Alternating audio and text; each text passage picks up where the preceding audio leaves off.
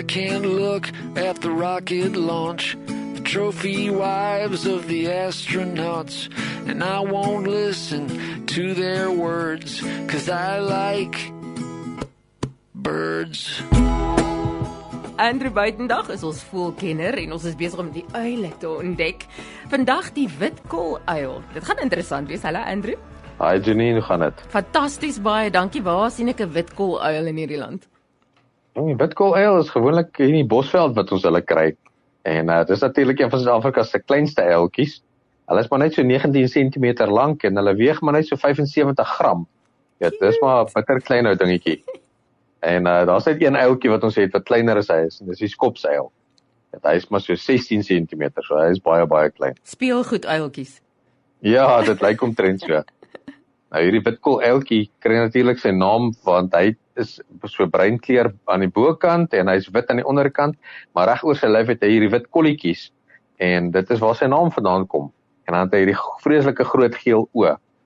En die mannetjie en die wyfietjie bly bymekaar vir hulle hele lewe lank en hulle broei in boomholtes wat gewoonlik deur houtkappers gemaak is.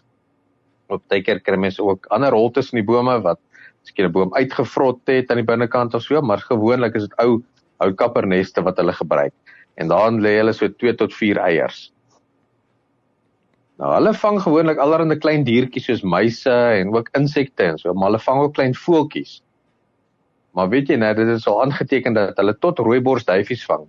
En dit is ongelooflik want 'n rooiborsduifie weeg omtrent 200 gram en die uiltjie is net 75 gram. So is meer as dubbel sy eie gewig wat hy kan vang. Maar hoe? Ek probeer dink waar gaan jy nou byt as die ding trippel jou grootte is?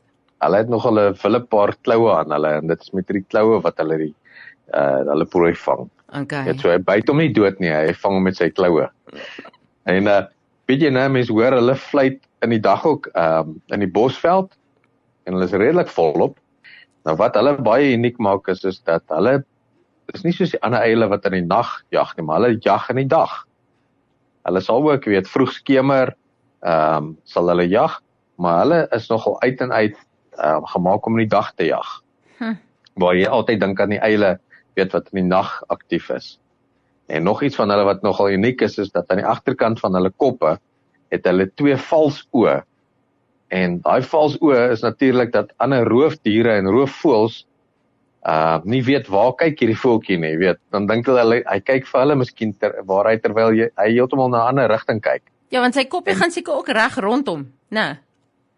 Hulle hulle kan hulle kop redelik ver draai, maar daai is ook 'n ou vrou storie van dat hy eil sy kop reg na die ronde kant. Is dit? Ek het nie ja. geweet nie.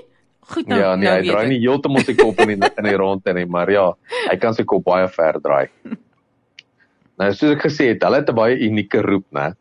Want hulle roep is eintlik meer soos 'n fluitgeluid wat hy maak.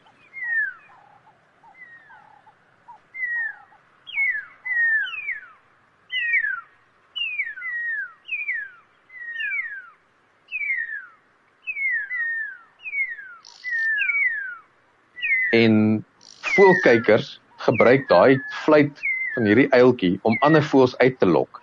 Want jy sien voeltjies uh weet dat hierdie is 'n roofvoël en hulle soek hom nie naby hulle neste en goeters nie of hulle kleintjies nie. En as hulle weet as hulle hom hoor, dan kom daar moeilikheid en dan sal 'n klomp verskillende voëls sal sal saam begin drom om hierdie uil te soek sodat hulle hom kan wegjaag. Wow. So, so nou gebruik voelkykers sy roep om voëls uit te lok. So as jy 'n voelkyker is, is dit een van die eerste goeters wat jy leer is om 'n witkol uil se roep na te maak sodat jy kan voeltjies uitlok uit kan jy ook al wegkruip. Kan jy hom namaak?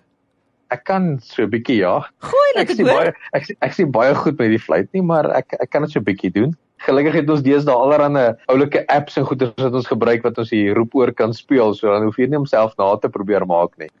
Nou ja, soos wat ons altyd praat oor Romeine 1:20, weet hoe God homself openbaar in sy skepping. Dink ek regtig waar dit is iets wat uniek is van hierdie eltjie is daai fluit, jy weet. En hoe ons moet daai fluit leer ken, jy weet, om dit te kan gebruik tot ons voordeel. Hmm. Om ander voëls te kan lok en so.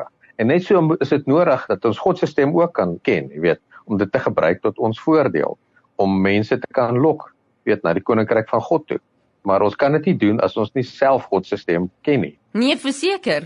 Enigiets wat uniek is aan 'n voël. Elke keer as jy sê die unieke ding aan 'n voël en jy begin dit noem, is vir my so die Here se genade wat nuut is elke môre. Hy hoef nie ja. twee keer dieselfde ding te doen nie. Hy kan elke keer iets anders en uniek maak. Ek bedoel daai mooi wit kolletjies so op sy lyfie net vir mooi maak want want hy kan.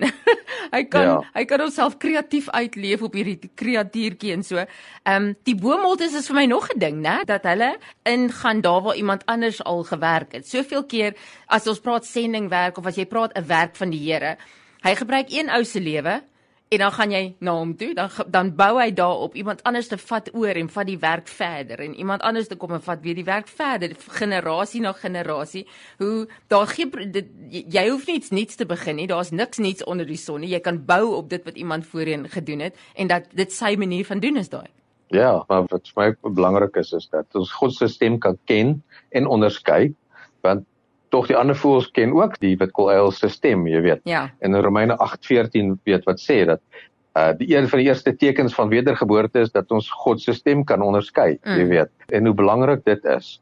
Jesus sê hy is die herder en die wat aan my behoort sal my stem ken en sal my stem volg. So. En wat vir my net interessant is, is hoe die Here iemand oprig in elke sfeer wat nodig is. Jy die groot uil, ons het mos laas keer gepraat oor die reuse ooruil wat die groter diere vang en hoe jy hierdie klein uiltjie het wat dan nou heeltevrede is om goggetjies en klein diertjies en goetertjies te vang. So daar's plaagbeheer in al die verskillende sfere van waar daar moet wees.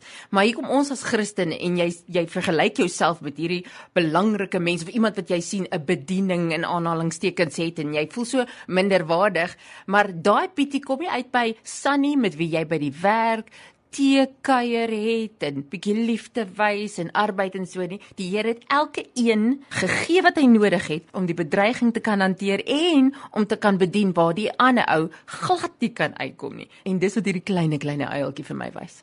Ja, nee, dit is absoluut die waarheid. So daai het jy dit die wit cool uiltjie. Jy gaan nou weer vir ons fotootjies post en alles op jou page, né?